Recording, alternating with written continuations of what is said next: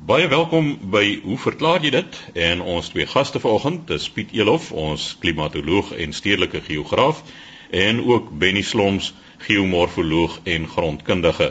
Nou Piet, ons gaan by jou begin vanoggend. Jy het 'n vraag ontvang oor fronte. Ja, ek het hier 'n brief ontvang van Eddie Jansen af. Hy sê hy's 'n afgetrede wetenskapsonderwyser en werk tans vir die departement waterwese by die Hartbeespoortdam waar skole hom besoek vir opwindende praktiese demonstrasies. Hy sê met een van sy skouspelagtigste demonstrasies wys hy hoe die skielike verlaging van lugdruk tot afkoeling, kondensasie en wolkvorming lei. Wat hy egter nog nie heeltemal kon verstaan nie, is die verband met koue fronte en warm fronte wat in mekaar vasloop. Hy sê hy verstaan albei prosesse deeglik, maar wil graag weet of reën sonder sodanige fronte kan plaasvind. Hy sê is die twee prosesse dalk soms onafhanklik van mekaar. Nou Eddie, ek wil nou maar terwille van luisteraars wat miskien nou nie heeltemal so op hoogte is van fronte, warm en koue fronte nie, net so 'n bietjie agtergrond gee. Die eerste vraag wat ons seker vra is wat is 'n front? Nou 'n front is gewoonlik daardie ontmoetingsvlak tussen twee lugmassas met verskillende eienskappe. Nou as ek praat van lugmassa eienskappe dan verwys ons na gewoonlik temperatuur en voginhoud van daardie lugmassas. Nou wanneer praat ons van 'n warm front en wanneer praat ons van 'n koue front? Ons praat van 'n warm front as die warmer lugmassa grondgebied verower wat voorheen deur kouer lug beset was, as ek nou die terme kan gebruik. In ander woorde, dis die warm front wat vorentoe beweeg en die simbool wat ons daar gebruik is gewoonlik so 'n uh, geronde halfsirkel. Die koue front is gewoonlik wanneer die koue lug die warm lug voor hom verplaas. Met ander woorde, hy wen eintlik veld wat voorheen beset was deur die warm front.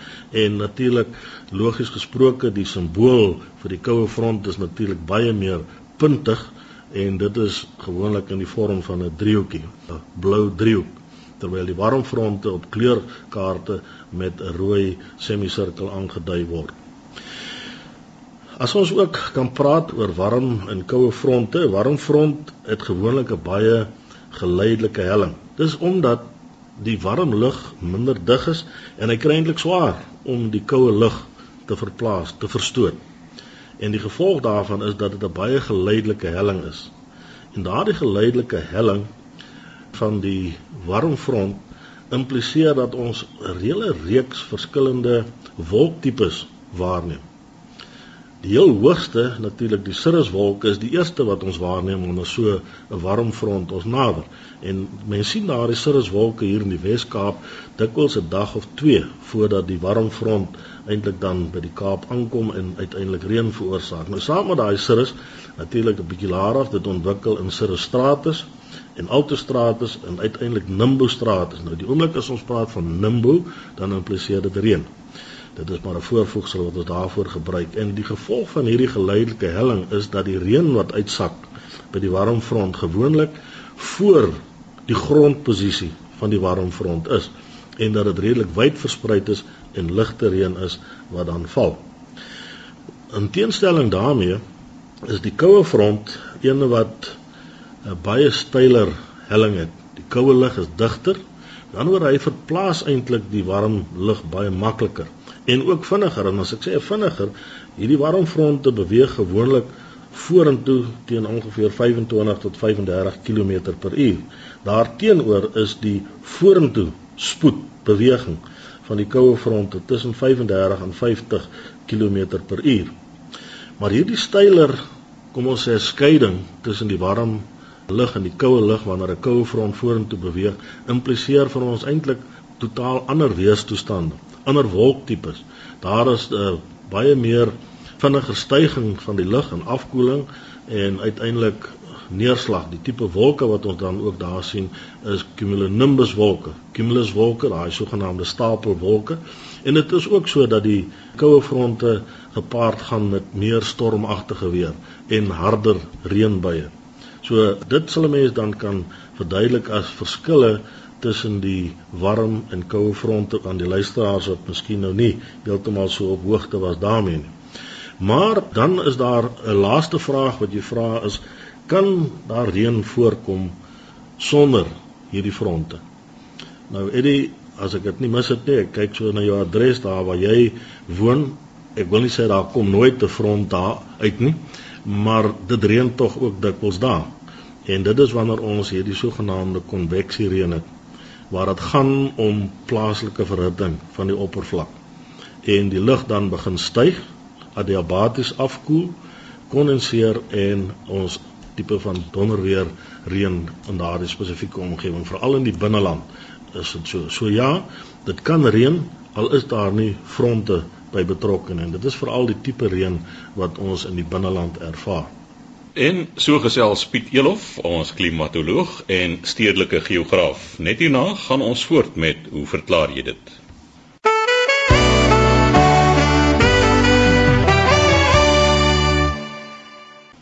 Ons gaan voort met hoe verklaar jy dit? En ons twee gaste vanoggend is Piet Elof, klimatoloog en stedelike geograaf en sy kollega Benny Sloms, geomorfoloog en grondkundige. En Benny, jy is volgende aan die woord en jy het nogal 'n baie interessante ligfoto ontvang van 'n luisteraar met snaakse patrone daarop wat amper lyk asof dit mensgemaak is, maar jy sê dit is nie. Ja, inderdaad, van tyd tot tyd kry ons navrae oor natuurverskynsels en stuur die mense vir ons fotos. Nou die nadeel van 'n radioprogram is natuurlik mens kan nie hierdie fotos aan die luisteraars wys nie. Nou Ek het 'n navraag gekry van Rian Rabe van Calvinia en hy's 'n vlieënier.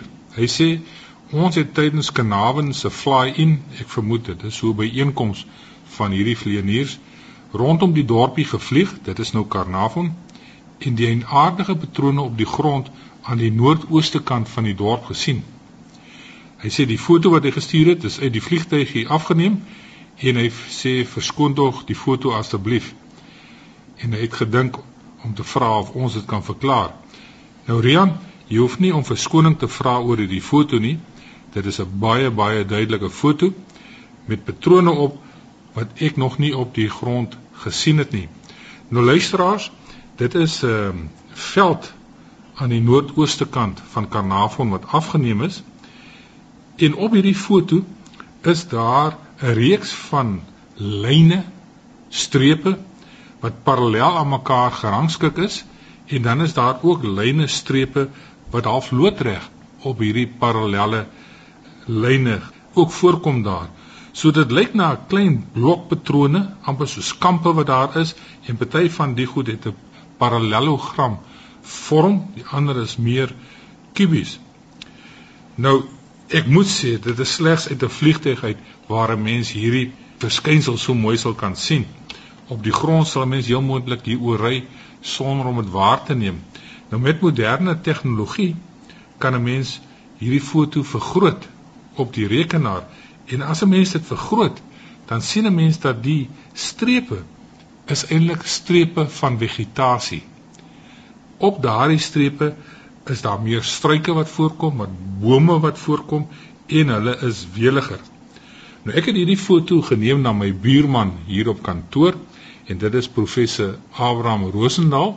Hy is professor in geologie en uh, ek moet sê hy het was ook verbaas geweest oor hierdie pragtige foto wat jy gestuur het Drian.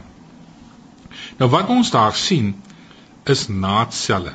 Dit is genaatheid van die onderliggende gesteente en ons vermoed dit is Ekaskalis wat lê net noordoos van Karnavon.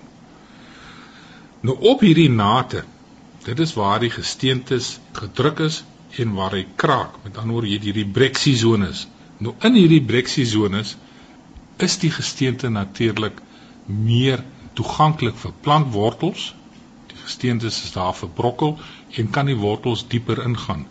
En omdat jy 'n beter verspreiding van plantwortels kan kry, is daar ook natuurlik groter toegang tot ondergrondse vog. So op hierdie lyne op hierdie nate kry ons meer welige vegetasie. Dit is groter bome en as 'n mens 'n bietjie meer inzoom op hierdie beeld, dan sal 'n mens sien waar twee nate mekaar kruis. Daar kry jy die grootste bome wat voorkom in hierdie omgewing en die hoeveelheid is ook meer daar. So dit is ongetwyfeld die onderliggende gesteentes wat genaat is. Nou die vraag is natuurlik wat gee aanleiding tot hierdie nate en krake van hierdie gesteentes? Nou Rian, dit is maar aardkors drukkragte wat hierdie gesteente op hierdie pragtige wyse so parallel aan mekaar laat kraak het en dit het op sy beurt weer aanleiding gegee tot beter groei toestande vir hierdie plante. Wat ook baie opvallend is op hierdie foto is dat daar is gedeeltes op hierdie foto wat jy geneem het waar hierdie nate en krake glad nie sigbaar is nie. Nou die vraag is wat gaan daaraan? Die enigste verklaring wat ek daarvoor het is dat hier kom dalk ook oppervlaksande voor. En dan die gedeeltes waar jy nie die nate en krake so duidelik sien nie, daar het jy dalk 'n sandbedekking. Ek moet erken, hierdie omgewing is vir my vreemd. Ek was nog nie daar gewees nie.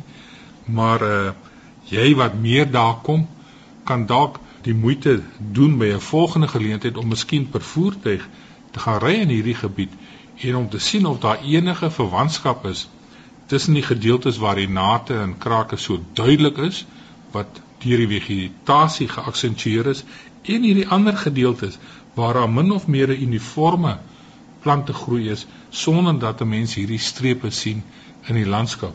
Wanneer as ek so na die foto kyk dan wonder ek baie keer ook of hierdie dele waar die plante groei meer welig is nie dalk omgewings is waar daar minder bewy is nie. En daardie gedeelte waar jy die nate so duidelik sien dat veral die kleiner bossies en goed daar opgewy is en eintlik dan hierdie nate ontbloot. Ek hoor wat jy sê oor die sand, maar op die foto sien ek ook dat die plante groei meer welig is op die dele waar jy nie daardie nate sien nie. Dit bied sou mense ook kon toeskryf aan die meer grond wat voorkom by die gedeeltes wat deur sediment oordek is, wat deur sand oordek is wat vir jou 'n bietjie meer vog het wat die plante kan gebruik. Dit sou 'n verklaring kon wees van die digter sande. Bewyding sal natuurlik 'n groot verskil maak veral as mense iewers 'n lyndraad sou gehad het en dan het mens gewoonlik aan weeskante van so 'n lyndraad veral se twee verskillende boere is, verskillende weidingsdruk wat hulle toepas sou mense dit gesien het maar hierdie gedeelte die sentrale gedeelte van die foto waar die nate in die krake so duidelik is sê vir my dat daar's minder oppervlakbedekking en is die effek van daai nate en krake net soveel meer. Ek het geen twyfel nie Piet dat hierdie genaatheid wat ons hier sien ook strek oor die res van hierdie gedeelte op hierdie foto wat uh, Rian vir ons gestuur het.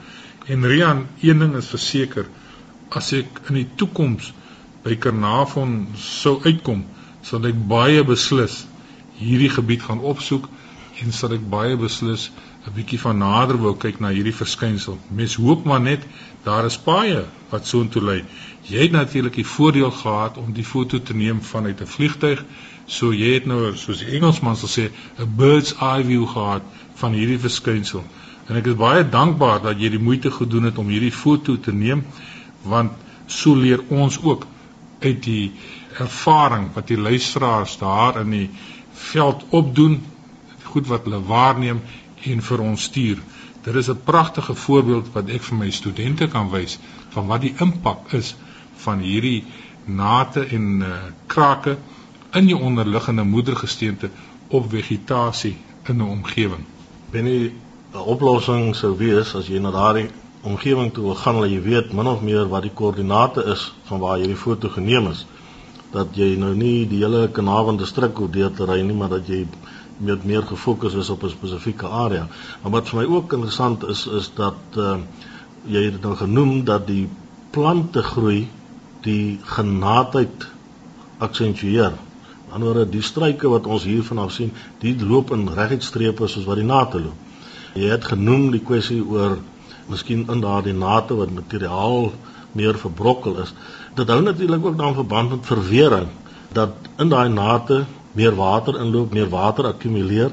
Die plante wat daar is, dat daar ook baie meer chemiese verwering dan plaasvind as gevolg van die plantwortels of nie of speel dit nie 'n rol nie. Ja, primêr Piet is dit die uh die fisiese proses wat daar plaasgevind het om hierdie ekaskalies so in nate in te druk of nate te laat ontwikkel as gevolg van die druk. Dit is die die primêre proses. En as gevolg daarvan het plante natuurlik beter kon ontwikkel in hierdie verbrokkelende zones. Meer volg, dieper wortelruimte. Ek het net 'n vermoede dat tussenin in hierdie gebied waar mens die nate so mooi sien, is die gronde baie vlak. Dan sit jy op hierdie ekaskalies. Maar ek sou bitter graag hierdie verskynsel wil verifieer op die grond. Miskien kan ek vir Rian vra as hy weer in daai rigting gaan vlieg om my saam te vat, ek sal uitspring en dan met 'n valskerm en dan kan ons so 'n bietjie grondkontrole gaan doen daar. Benny, voor jy nou so heldhaftig raak, ek neem aan dat hierdie nate reeds lank gelede ontstaan het dat dit nie 'n proses is wat nou nog steeds besig is om te gebeur nie. Nee, jy's heeltemal reg, Chris. Hierdie goed is bitter oud. Dit het baie baie lank gelede gebeur. U luister na hoe verklaar jy dit en ons twee gaste vanoggend Benny Sloms, geomorfoloog en grondkundige en sy kollega Piet Elof, ons klimatoloog en stedelike geograaf. Nou Piet, jy is volgende aan die beurt met 'n vraag wat jy ontvang het oor 'n onderste bo reënboog. Chris, ek kry 'n brief hier van Karel van der Merwe van Karlsdorp af. Hy sê hy en sy vrou was in September in Toronto. Een oggend omtrent 5 agste bewolk bedekking gehad en ongeveer 11 uur sien hulle 'n onderste bo reënboog. Hy sê waar ons reënboog die bene na onder het, was die ene met die bene na bo en dit verdwyn na bo in die wolke. Hy sê is daar 'n eenvoudige verklaring voor wat hy nie van weet nie. Nou Karel, ja, dit is 'n besondere interessante ene daarin. Ek moet uh, erken ek self het nog nie so iets gesien nie.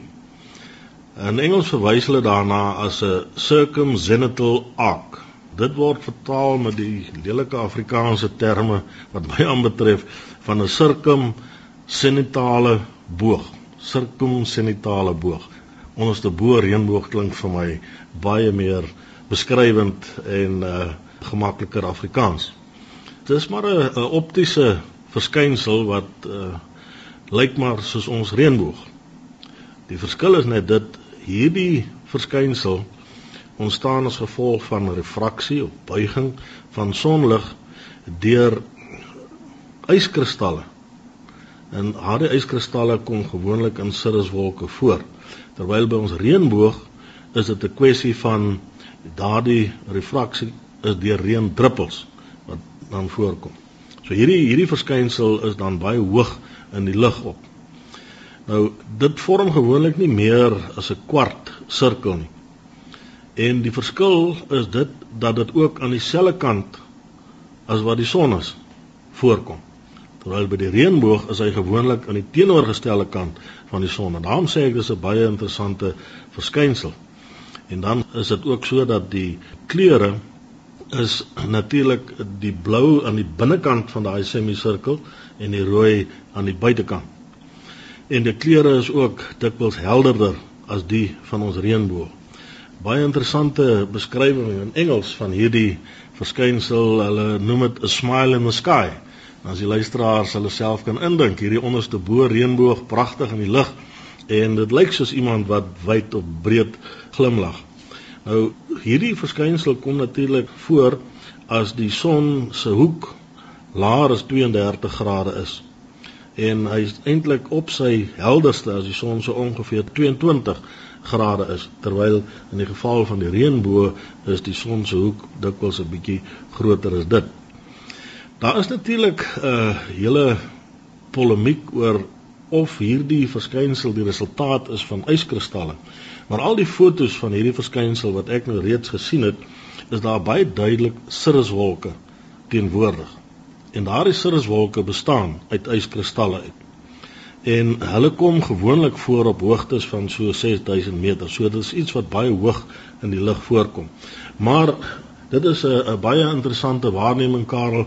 Dankie dat jy vir ons attent gemaak het daarop en jy is van die gelukkiges. Normaalweg kom hierdie verskynsels redelik ver noord of suid van die ewenaar voor, maar Toronto lê ongeveer so 49 grade noord so ja. En daar is al hoe meer mense wat hierdie verskynsels waarneem. Dit duur natuurlik nie baie lank nie omdat die wolke van posisie verander. Soos wat hulle beweeg, verdwyn daardie verskynsel. Maar ja, 'n smile in the sky. Onderste bo reënboog. Sirkum senitale boog. Jy het nou verwys na die breedtegraad waarop hierdie onderste bo reënboog gewoonlik voorkom. Met ander woorde in Suid-Afrika sal ons nie baie maklik so 'n smile in the sky kan sien nie. Chris, ek het nog nêrens gelees daarvan dat iemand so iets waargeneem het nie en ek sal bly wees as daar van die luisteraars is wat hierdie verskynsel waargeneem het hier in Suid-Afrika en uh dit hopelik afgeneem het want uh, dit is nie iets wat so algemeen soos 'n reënboog voorkom nie maar uh, dit is iets wat mense al oor die wêreld heen sien baie is gelukkig dat hulle dit al 'n hele paar keer waargeneem het. Dikwels is dit ook so dat hierdie verskynsel redelik hoog in die lug is en as 'n mens by jou neus op die grond loop dan sal jy nie hierdie verskynsel raak sien nie. Piet, is dit moontlik dat mens van hierdie cirruswolke kan kry in die bolig en dan op laer hoogtes kry hierdie normale wolke wat met kom ons sê 'n front geassosieer word? Sodat jy hierdie dubbel wolklaag sien en dat hierdie verskynsel dalk kan voorkom indien jy met hierdie hoë yskristalle sien maar dit is bloot dit nie sigbaar van die grond af nie as gevolg van ander wolke wat nou tussen jou en daardie verskynsel in die bolig is nie. Nee, binne ek is oortuig daarvan dat uh, jy weet vir alles as jy dikker as ek dit so kan stel dikker wolke op laer hoogtes kry dat daai verskynsel wel voorkom maar hy nie sigbaar is van die grond af nie. Nee, dit is verseker so. En so gesels Piet Elof, ons klimatoloog en stedelike geograaf en saam met hom aan vanoggend se program met deelgeneem Benny Slomps, geomorfoloog en grondkundige. U kan skryf aan ons met vrae of kommentaar, rig dit aan hoe verklaar jy dit? Posbus 2551 Kaapstad 8000 of stuur 'n e-pos aan chris@rsg.co.za.